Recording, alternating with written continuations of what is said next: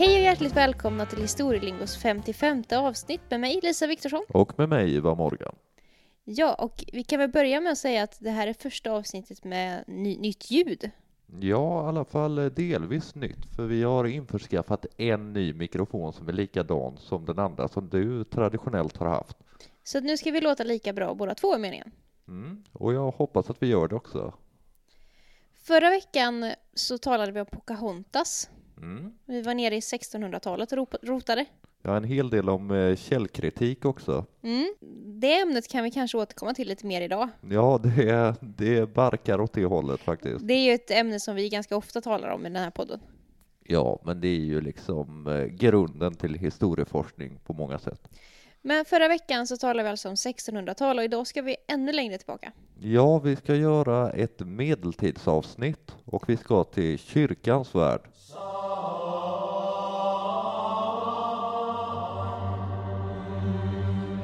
Vi ska ner och rota i den svenska och finska medeltiden. Mm. Den mörka medeltiden. Ja, den så kallat mörka medeltiden. För dagens ämne som ni ju känner till eftersom att ni har klickat er in på den här, det här avsnittet ska alltså handla om Erik den helige. Mm. Det blir skojigt. Ja, vi får se. Vi åker.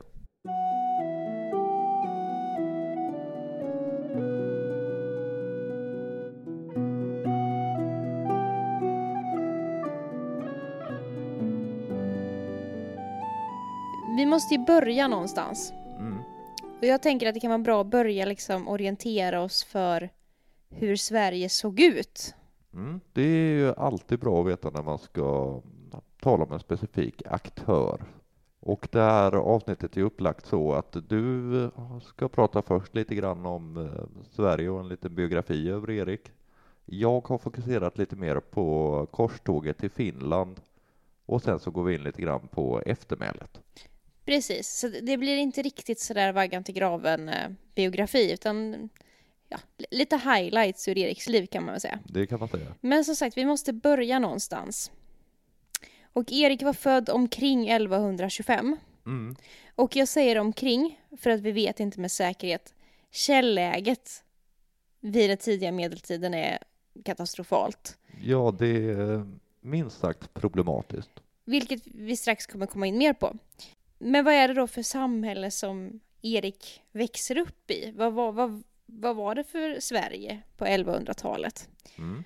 Och det är inte jättelätt att svara på den frågan. Nej, för vi vet helt enkelt inte exakt, men det är klart att vi kan uttala oss om något. Alltså Sverige som vi känner idag, alltså landet, nationen Sverige fanns ju inte. Nej, Det skulle ju dröja, alltså man kan väl börja tala om ett Sverige egentligen 1336. mm. Eh, för då är det ju en, en ny lag som träder i kraft. Eh, Magnus Erikssons landslag, Mm. så, alltså kung Magnus Eriksson. det första fotbollslaget. Ja, det kan man väl, ja, ja. Det var kul. Men, men det är väl första gången som man kan börja prata om ett, liksom någon slags ett, ett enat Sverige eller sådär. För att då har vi fått en lag som gäller i hela riket då. Precis. Och det har vi inte haft förut, utan innan så fanns det så- kallade landskapslagar och landskapen var självbestämmande. Ja, och eh, då hade man ju sådana här eh, lagmän, till exempel den heliga Birgittas pappa, eh, som vi faktiskt har gjort ett avsnitt om. Inte pappan då, men den heliga Birgitta, och det är avsnitt 10 som är väl värt att lyssna på om man vill lära sig mer om Birgitta. Absolut. Och hennes pappa Birger, han var ju då lagman. Så när Erik växer upp så finns ju inte Sverige, kan vi börja med att konstatera. Det skulle dröja flera sekel till dess. Mm. Utan, utan det var de här landskapen liksom, som existerade. Ett arvkungadöme, alltså att makten går i arv ifrån far till son oftast. Det kan vara från eh, mor till dotter och så vidare också. Men eh, det är ju först Gustav Vasa som för in det. Ja, det är där den här liksom primogenituren brukar Mm. man tala om kommer. Precis. Innan det här så blev man liksom vald. Ja, och eh, vi pratar alltså 1544 här. Mm. Och innan dess så blev man ju traditionellt vald i, vid Mora stenar. Och det här med hur man valde kung, det var ju inte en helt demokratisk process. Nej, minst sagt. Utan det handlade mycket om att man slog ihjäl den som stod i vägen, kan man väl säga. Ja, om det är någonting man vet från den här tiden så är det att kungar faller som furor. Ja, det, alltså, det tidiga medeltiden är våldsamt, det är eh, blodigt, det är kallt, det är jävligt på alla sätt och vis. Och man tar makten. Man får den inte, man tar den. Precis. Så kan vi väl säga. Och man var då, om man var kung eller hövding så var man liksom det över landskapen, inte över ett enat Sverige. Nej, man Ehm, talar inte om Sverige. det Sverige, nej, det, det Sverige fanns fanns. inte än. Men, men vi får ju ändå, i podden får vi ändå prata om Sverige eftersom Sverige finns idag. Men Mm. jag, tror, jag tror lyssnarna är med på det.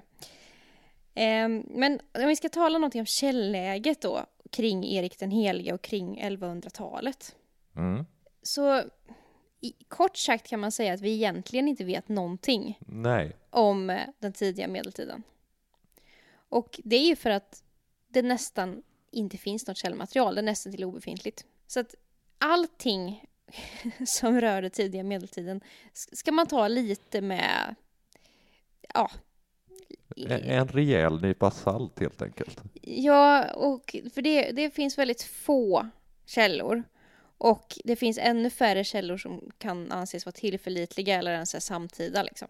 Och sen ska vi väl säga också att medeltida material generellt, en anledning till att det finns så lite bevarat, ja det är förstås dels för att det är så länge sedan och man nedtecknar inte lika mycket som man gjort senare. Men det är också av en händelse som vi pratade om för några veckor sedan. Mm. Det försvann ju väldigt mycket medeltida material när slottet Tre Kronor brann. Ja, precis. Och det talade vi om tidigare i, nu i, i vinter. Så det kan man, kan man lyssna på om man vill. Jag tror avsnittet heter Tre kronor brinner, va? Slottet Tre Kronor brinner om jag inte missminner mig. Precis. Eh, minnet är bra, men kort. I alla fall, men i branden av slottet Tre kronor 1697 då, så försvinner ju väldigt mycket medeltida material. Mm.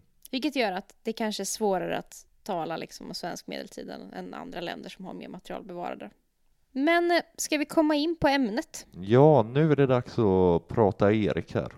Som jag sa så är ju födelseåret lite oklart, men runt omkring 1125 Mm. föds han. Och eh, han är son till eh, en man som heter Gedvard. Mm. Det är ett eh, häftigt namn. Ja, lite bortglömt tror jag. Jag tror inte det är så många som heter det idag. Nej. Och hans mor heter Cecilia, som var väldigt vanligt under medeltiden. Och eh, vi vet egentligen ingenting om Eriks uppväxt eller liksom barndom överhuvudtaget. Nej, och vi lär aldrig få veta någonting heller. Nej, Jag har väldigt svårt att tro att det skulle komma fram eh, dokument nu som skulle kunna revolutionera vetandet om Erik den helige. men så det varit kul. Det hade varit väldigt kul. Ehm, Men någonting vi vet är att han sen som vuxen gifter sig Mm. med en Kristina Björnsdotter. Mm. Och de får tillsammans fyra barn. Och ett av de här barnen har väl kanske gått till historien mer än de andra. Mm. Och det är sonen Knut. Mm. För han kom också att bli kung. Ehm, och, och då Knut Eriksson då naturligtvis, han, Eriks son. Och ehm, han kom ju senare då att ta makten med våld, precis som vi var inne på. Genom ett ganska känt överfall. Och det ägde ju rum då på Visingsö. Precis, där han då ska ha slagit ihjäl brutalt dåvarande kungen i Västergötland, Karl Sverkersson. Och hela den här historien kring Eriks, alltså Erik levde den största delen av sitt liv i Västergötland och han var förmodligen kung kanske bara i Västergötland, det vet vi inte riktigt. Nej, det, Eh, Västergötland på 1100-talet var väldigt centralt. mm, det är ju liksom, ja en del historiker hävdar ju att det var liksom vaggan för hela Sverige, eller det som skulle bli Ja, Sverige. eh, och det där är ju en väldigt kontroversiell Ja, debatt som vi kanske inte ska lägga någon värdering i. Men eh, det gjordes ju bland annat på om det var sent 80 eller tidigt 90-tal så gjorde SVT en serie som heter Svea rikes vagga som Just spelades det. in i Varnhem. Där man påstår att eh, Västergötland är liksom grunden till svenskhet och så vidare. Som är, ja, eh, ja, den blev kraftigt kritiserad. Jag tror till och med att det är så att SVT inte får lov att visa den. Jag tror det är till och med på den nivån att den är helt indragen. Mm. I alla fall, eh, Västergötland var centralt. Och man hade ju då framförallt Skara som ju var en liksom, domkyrkostad och sådär. Mm. Och man hade Varnhemskloster och Gudhemskloster och så. Ja, det, det slog mig nu förresten att när vi ändå talar om eh, Knut Eriksson och mordet på Karl Sverkersson så kom jag på att det här är faktiskt skildrat i en väldigt eh, populär roman, romansvit Mm. och även film. eh, Ja, det är ju Jan Guillous Arnböcker som man också ska ta med en eh, rejäl nypa salt. Ja, det är ingenting som vi åberopar som någon tillförlitlig liksom, kunskapsbank i, i just det här fallet, även om Jan Guillou är har bidragit väldigt mycket till eh, svensk litteratur, så um, är Arn i allra högsta grad fiktion, vill, Mm. vi, vill jag understryka. Men i Arn så finns det vissa fragment av, av verklighet. Och någonting som faktiskt skildras är just mordet på Karl Sverkersson på Visingsö. Mm. Ja, jag kommer, jag kommer ihåg det. Jag läste den eh, när jag var liten, de här böckerna om Mm. Arn. Och jag kommer ihåg att det var ganska spännande att de i, i natten kom med båtar och, och kom, gick i land på Visingsö och sen så brutalt eh, slog ihjäl. Ja, och det är väl även med i filmatiseringen tror jag. Ja, mycket möjligt. Eh, vi, vi kan ju, alltså, den här historien kring Erik den helige, det finns ganska mycket sådana här fragment som faktiskt finns med i Jan Guillous böcker. För att hans böcker utspelar sig ju precis vid den här tiden. Mm. Och eh, de, ja, de har ju fått mycket skit ifrån historiker Sverige om att de är ju, det är fiktion och det är väldigt mycket som är helt orimligt i Jan Guillous böcker. Men som litteratur måste jag nog ändå säga att det är ganska, ganska bra böcker. Mm. Det vill jag ändå, det kan jag ändå ge honom. Men eh, inte faktamässigt kanske. Men det här var ett sidospår som jag inte riktigt hade räknat med. Nej, låt oss gå tillbaka till det vi vet. Eller inte vet. Ja, och vi ska tillbaka till Erik den heliges biografi och vi vet ju egentligen ingenting om honom. Kan vi väl, det, det är ju det vi har konstaterat. Mm. Så att jag tänkte vi ska titta lite på källläget. Mm, det tycker jag låter som en bra idé. Vi har ju den här Erikslegenden.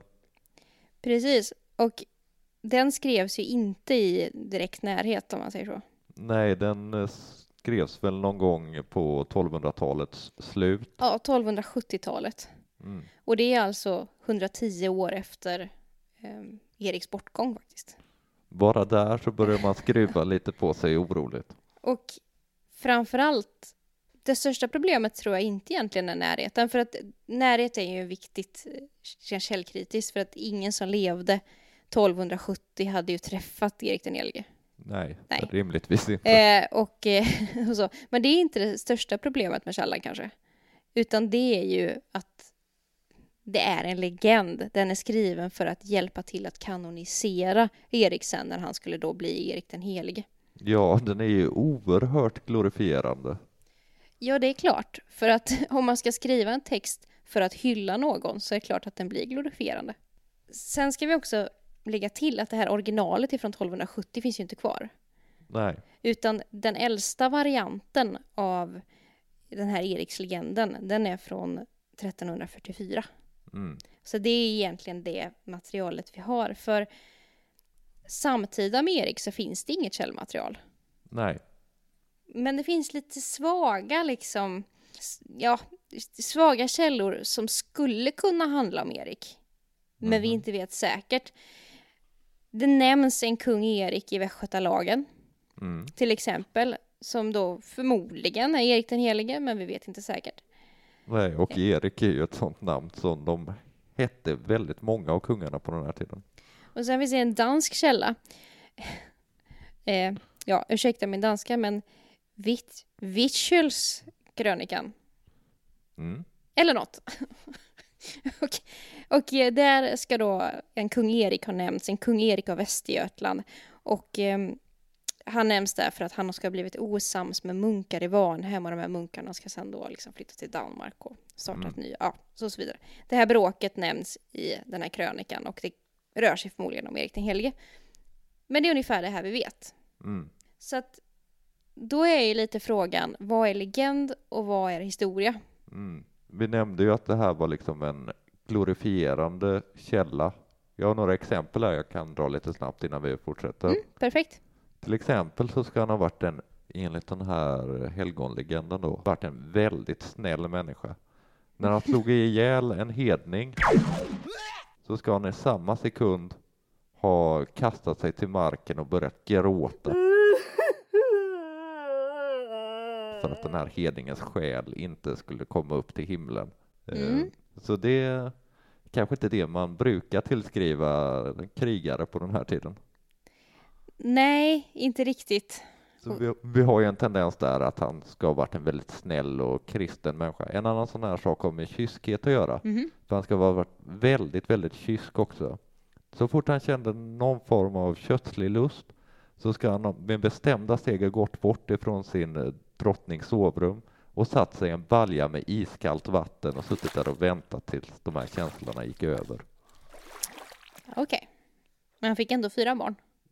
Det fick han, men Ja. ja, hur det gick till, det vågar jag inte spekulera i.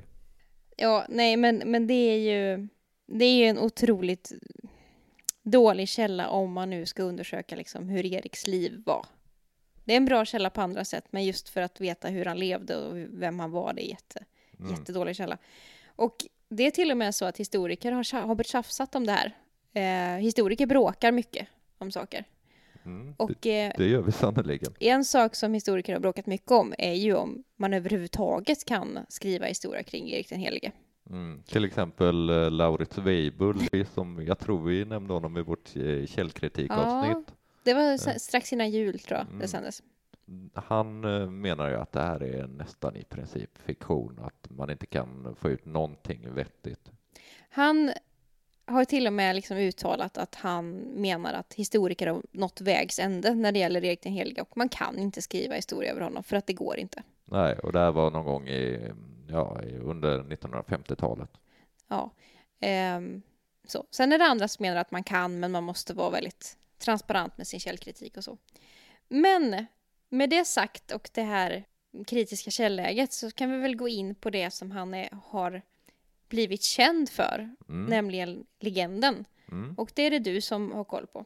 Ja, jag har väl inte hela legenden här, men jag har fokuserat lite grann på hans korståg mot Finland. Ja, och det är väl det som han är mest känd för också. Mm. För vi får ju tänka oss den tidens eh, så kallade Sverige som ett ganska nytt eh, rike när det gäller kristendom. Ja, eller alltså det som, den geografiska plats som idag är Sverige. liksom. Ja, precis. 1008 så döps ju Olof Skötkonung och det brukar väl ses som någon slags eh, ja, startskott på det här kristnandet. Men i Varnhem har man ju till exempel hittat eh, begravningspl- kristna begravningsplatser från 800-talet och sen så via Anskar och det där som inte heller är säkert om han fanns. Men här så på 1100-talet så är, har man inte varit kristen särskilt länge. Nej. Och eh, det är ju inte så att hela den här liksom landmassan som skulle bli Sverige var kristen heller, utan Nej, nej. det var ju de, ute i stugorna så var ju folk fortfarande liksom asatroende. Eh, och det har ju folk varit fram till liksom, mitten av 1800-talet och det har ju till och med fått en revival så att man kan konvertera till eh, asatro idag. Mm. Det, är ju, det är ju ett eget samfund fortfarande, alltså Ja, det har ju i blivit, dagsdatum. ja, det har ju blivit i alla fall igen ett Mm. eget eh, samfund. Fornsed vill jag minnas att de eh, kallar sig. Däremot Finland, det var inte kristet vid den här tiden. Nej. Och eh, vi rör oss någonstans i slutet av eh, 1150-talet, så Erik torde ha varit någonstans mellan 25-30 år någonting Ja. när, när han eh, drog iväg mot Finland. Och Finland var ju inte helt obekant mark, för eh, vikingarna hade ju ofta åkt över Östersjön när de skulle till eh, Konstantinopel eller Novgorod.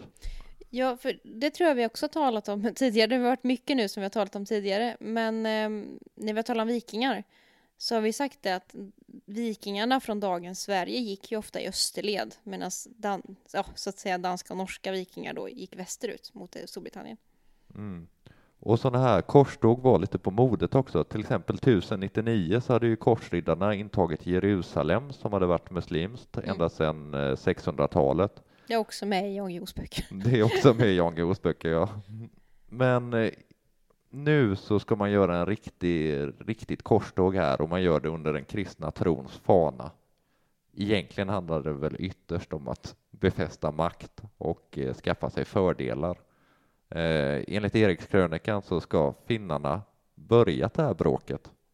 De ska ha kommit och härjat fritt i Mälardalen och det, så kunde man ju inte ha det. Nej, hur skulle det se ut? Nej, det är som eh, Silja Line skulle komma med ett gäng galna finnar som härjar fritt i Stockholm. Det, det funkar ju inte. Det kallas kryssning. Ja, det kallas kryssning. Och jag, Lönehelg. och jag är säker på att i Finland så säger de samma sak fast de galna svenskar som kommer till Helsingfors. Ja, eh, det tror jag, det tror jag definitivt.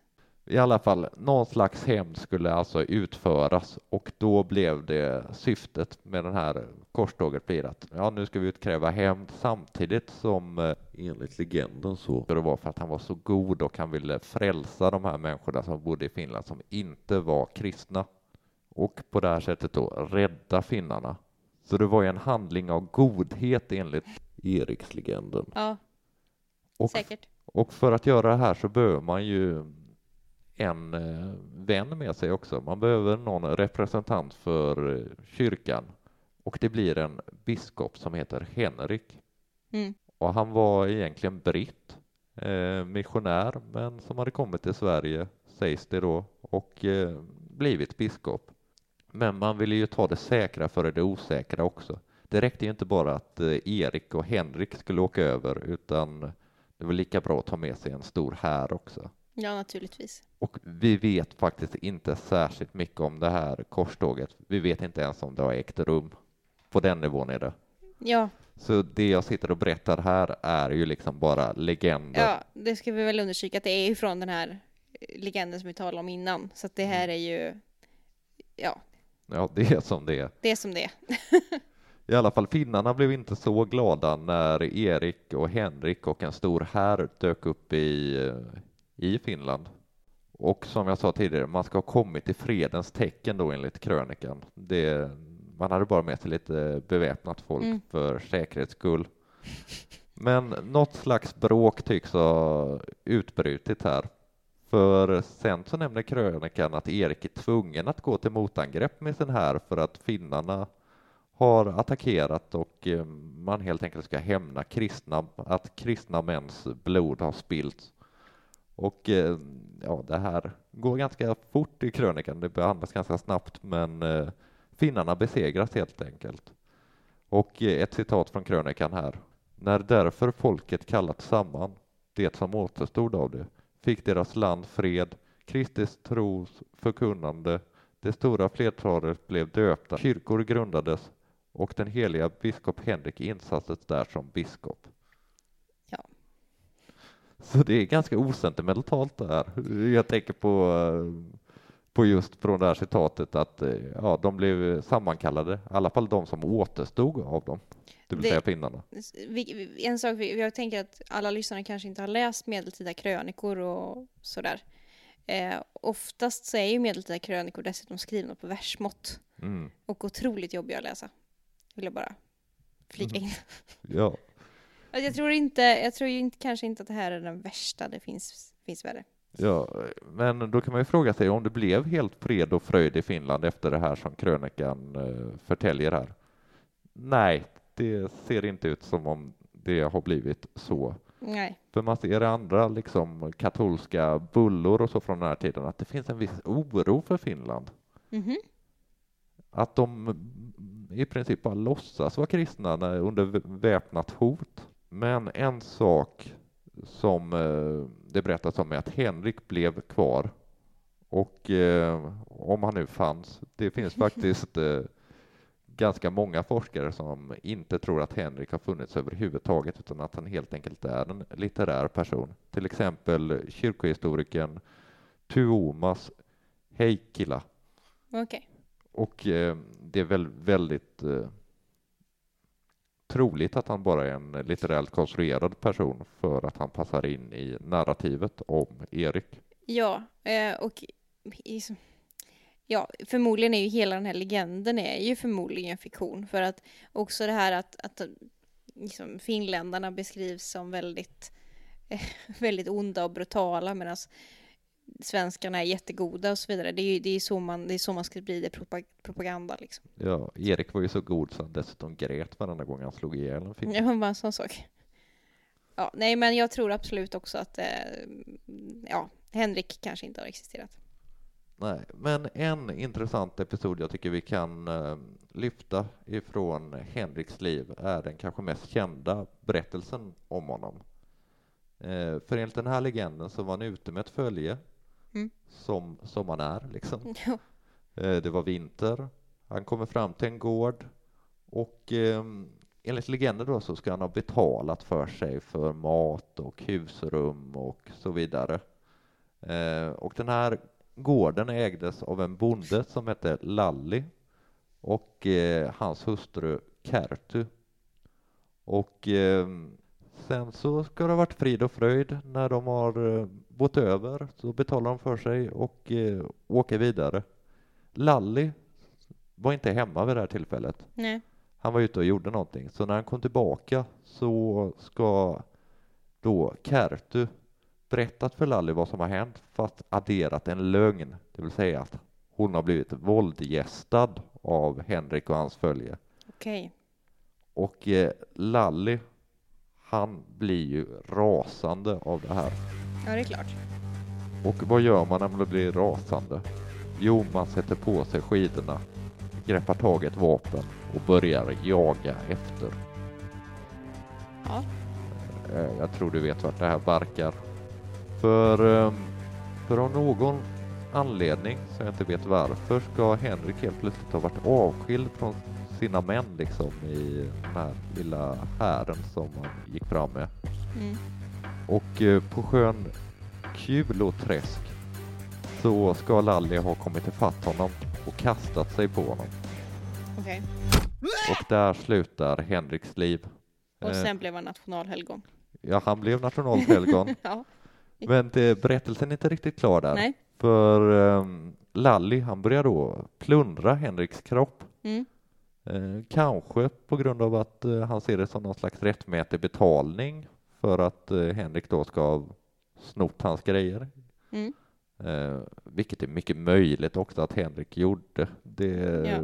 Om, om- men förutsätter ju att Henrik har funnits då. Ja, ja precis. Men eh, biskopar på den här tiden var lite mer råbarkade än vad de är idag om man säger så. Ja, jag tror det, det var lite mindre kyrkkaffe då. Ja, det var mer eh, hänga med på plundringar och grejer. Ja, och slå ihjäl folk. Ja, precis. Men Lalli då, han börjar plundra kroppen men han har ändå ganska bråttom. Och sen försöker han få av det här biskopsringen biskopar har. Mm. Det går inte, så då hugger han av fingret. Ja. Mm. Och, eh, men i den här hasten så råkar han tappa fingret med ringen. Och det här fick jag lite Sagan om ringen-vibbar av. Härskarringen som liksom försvinner, lever ett nyckfullt eget liv. För så var det precis med den här biskopsringen. För Lally Lalli tappade den, men ringen hittades sen av andra och visade sig vara magisk. Den kunde bota både sjukdom och blindhet och så vidare. Och eh, den finns faktiskt fortfarande idag avbildad på Åbos domkapitels sigill. Jaha, så pass. Men jag tänker att tolken kanske har, har läst Erikslegenden. Eh, Det är mycket, mycket möjligt. Han eh, var ju professor i nordiska språk. Ja, så det är väl inte alls... eh, Jag kan mycket väl tänka mig att det finns många litteraturvetare som har gjort den här parallellen förut, så vi ska inte kanske låtsas som att vi har hittat på liksom. Hitta på det själv där. Fast Nej. det, ja, nej, men det, det är väl inte helt orimligt. Är det någon som vet så... Ja. Så får man gärna mejla. Vi har en mejladress som är historielingo.gmail.com. Om ni vet om tolken har läst Erikslegenden. Vi finns på Instagram också. Där kan man följa och skicka meddelande och så. Ja, absolut. Han tog i alla fall inte bara med sig ringen, han fick ju med sig lite annat. Till exempel den här mitran. Mhm. Du vet den här äh, hatten som biskopar har. Den Jaha, höga hatten. Ja, okej. Den Ja, som ser ut som en äh, ja, kockmössa nästan. ja. Och äh, här kan jag läsa lite. Lall lyfte stolt på mössan på sin egen onda skalle. Håret följde med från huvudet. Gick sen hemåt stolt i sinnet. Håret följde, huden följde, så att eh, vita skallen lyste. Så att det var ju något magiskt med den också, när han skulle ta av sig eh, hatten så följde liksom håret och huden med och eh, Mm, ja, ja, det är inte så trevligt. nej. Men eh, han kanske förtjänar det, vem vet? Det är väl väldigt osäkert om det har hänt och eh, magi är ju som bekant inte någonting som finns. Eh, Ja, det ska vi väl inte säga att det inte finns. Det finns många människor som tror på det. Men, men vi kanske inte riktigt... nej, vi är inte några av dem. I, nej, vi är inga, inga magiker. Nej. Vi vet ju inte om den här legenden stämmer eh, med största sannolikhet inte alls. Eh, om inte Henrik fanns så fanns det således inte Lalli heller eller Kertu eller någon annan här. Men eh, det vi vet är att ungefär vid den här tiden så börjar den svenska koloniseringen av Finland och vi får en svenskspråkig befolkning som längs kusterna medan de finskspråkiga pressas inåt landet. Och det har ju varit en viss svensk liksom, närvaro i Finland ända sedan dess. Ja. Eh, Lalli för övrigt, han har faktiskt blivit en symbol för högerextrema i Finland. Jaha. Han används liksom någon form av historiebruk att han eh, är rebellen som ingen går att som inte går att sätta sig på. Lite så som svenska högerextremister har eh, Gustav II Adolf eller Karl XII eller så. Mm, precis. Ja, okej. Ja, det visste jag inte. Men det var det korståget i alla fall och eh, om det nu har ägt rum. Och eh, Henrik då, vi sa det lite snabbt, men han, han är ju faktiskt Finlands skyddshelgon Mm. eh, fortfarande. Ja, dock aldrig kanoniserad av påven. Nej. Men likväl.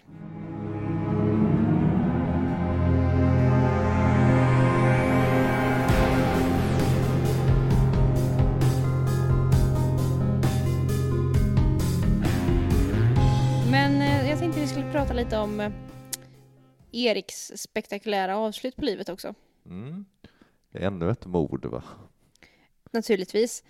Och eh, det är inte finländarna som är arga, eller de är nog också arga på honom. De är Men- nog väldigt arga på Men honom. eh, det är inte de som eh, kommer till skott, Nej. utan det kom söderifrån. Mm. Dansken.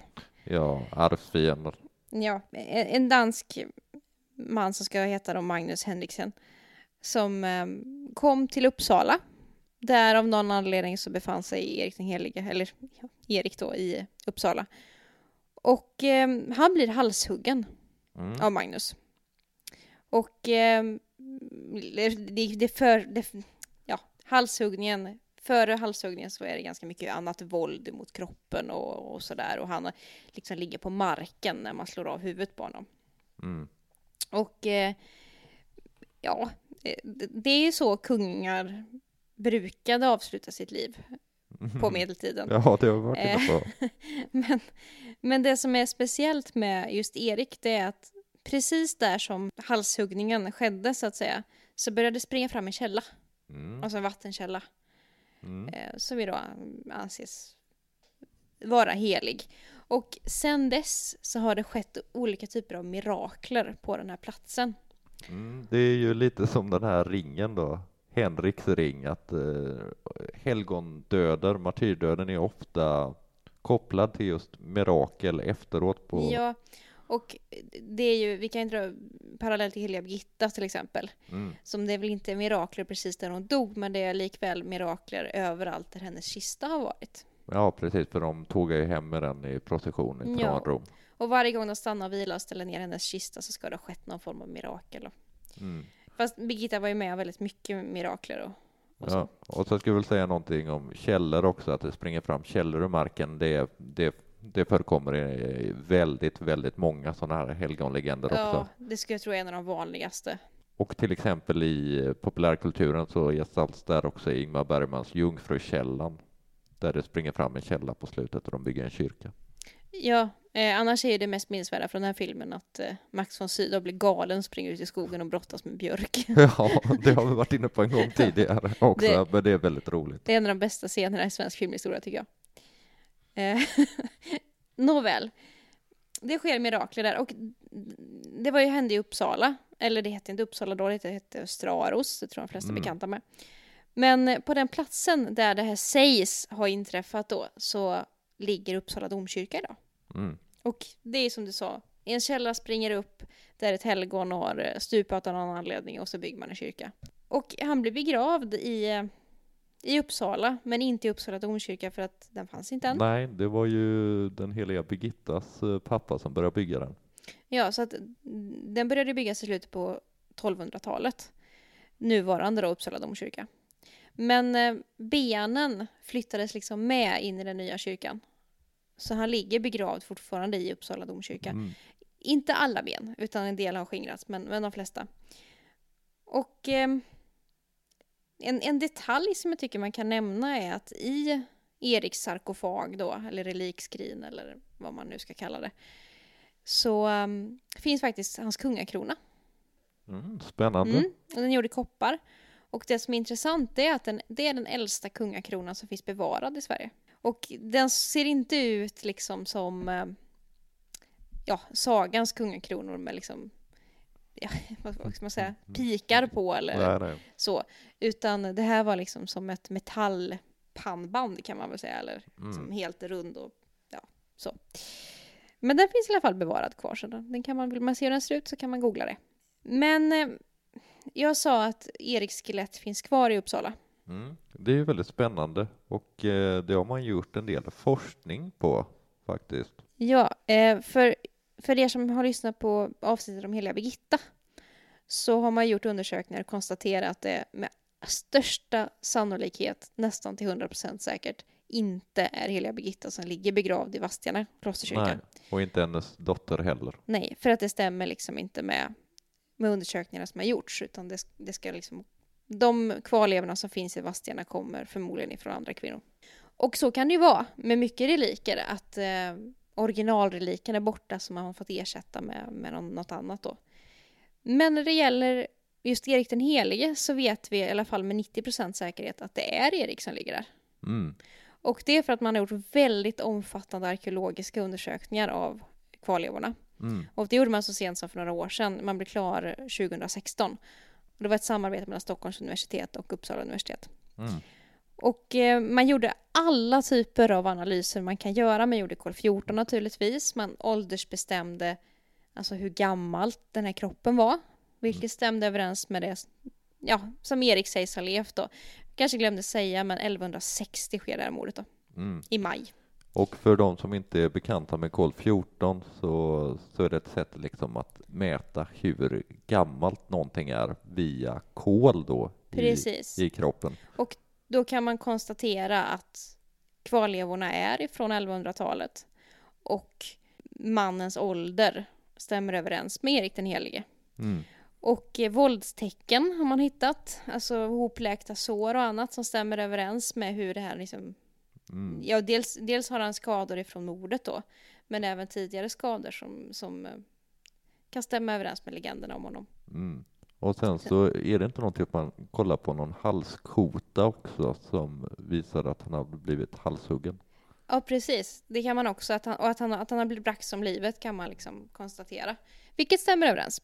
Och eh, ytterligare en grej som är väldigt avancerad som man har gjort är att man har gjort en isotopanalys. Mm. Som jag vet att vi var inne på även när det gäller Birgitta. Och kanske någon mer gång. Ja, du får gärna berätta lite mer, Eh, för jag är inte lika bevandrad i arkeologi som Mm, du nej, är. Jag, jag tror vi, när vi talade om Erik den 14 så tror jag vi också talade om eh, isotopanalys. Jag kan minnas fel. Men man gör i alla fall en, liksom, det, är en, det är en kemisk naturvetenskaplig metod att man med hjälp av DNA kan ta reda på, alltså i skelett-DNA, DNA och skelettdelar kan, kan ta reda på hur en människa har rört sig rent geografiskt. Mm. Och eh, inte hela livet. Man kan inte se så här att oj, nu bodde den där och flyttade dit och flyttade dit och flyttade dit. Men man kan se i alla fall de sista levnadsåren, vart man har, vart man har levt. Och utav det man har fått fram av isotopanalysen så tyder det på att den här mannen har levt största delen av sitt liv i Västergötland. Ja, okej. Och enligt de få källor som finns så ska han ju ha varit kung i Västergötland. ja. Så att därför så är det väldigt osannolikt att det inte skulle vara Erik den helige som, som ligger i, i skrinet faktiskt. Så det är, det är lite häftigt faktiskt. Som sagt, det, det är en parallell till Birgitta där att i hennes fall så är det inte så. Men Birgitta, jag ska uppehålla mig lite till vid henne. För att Mm, hon är Det är faktiskt... ju spännande att göra den här liknelsen. Eh, För han blir ju kanoniserad så småningom, eh, Erik den helige. Och eh, Birgitta är faktiskt en av dem som för traditionen vidare och eh, liksom legenden om Erik vidare. Mm. eh, i, sina, alla, i alla- i alla sina texter. Ja, hon eh, skrev ju mycket. Och han kommer ju då att bli Sveriges nationalhelgon. Den här Henrik som vi talade om innan är ju... Finlands nationalhelgon. Ja. Ehm, och nationalhelgon det är ju liksom det helgonet som är till för hela nationen. Om vi tittar på Birgitta så är hon ju inte Sveriges nationalhelgon. Nej, Däremot så är hon Europas skyddshelgon. Så att hon är ju lite... ja, snäppet över. Ja, hon finns även avbildad utanpå Peterskyrkan och sådana saker. Hon är lite mer känd än Erik den helige i omvärlden kan man väl säga. Eller ganska mycket mer känd. En annan, ett annat nationalhelgon är Jeanne d'Arc Mm. i Frankrike, till exempel. Men för dagens svenska folk så är kanske Erik den helige främst känd för en annan sak. Mm. Och det är ju då stadsvapnet i Stockholm. Ja, eh, den här pojken med den intressanta frisyren på Stockholms stadsvapen Mm. tror man är Erik den helige. Men som så ofta när det är medeltid så vet vi inte. Nej, Och eh, den nuvarande loggan, liksom stadsvapnet, den är inte speciellt gammal. Den är från 1961. mm. Men det, det har ju funnits, alltså avbildningar av Erik den helige har funnits sedan 1376. Mm. Och det är ju då den här upplagan från 1376 som man tror är Erik den helige. Men vi vet inte, för det finns egentligen lika mycket som tyder på att mannen på Stockholms stadsvapen från 1300-talet skulle kunna vara Norges nationalhelgon, Olav den helige, ja, eller Sankt precis, Olof då. Precis. Så att vi vet, vi vet väldigt lite om Erik den helige. Vi vet ingenting om hans barndom. Vi vet väldigt lite om hans tid som kung. Vi vet inte om han var kung någon merstans än i Västergötland. Vi vet inte om korståget till Finland har ägt rum. Eh, mordet har väl förmodligen ägt rum och han har förmodligen funnits. Eh, Men det är liksom det, det är vi det vet. vi vet. Vi vet inte ens om det är vi vet inte ens om det är han som är avbildad på, Stock- på Stockholms stadsvapen. Det, det här med Olof är ju ganska intressant faktiskt. Eh, Jag läste om det här tidigare, jag tror jag pratat i podden om det tidigare också, men eh, förlagan för det här stadsvapnet var ju en, eh, ett träsnidderi, en staty i trä. Ja.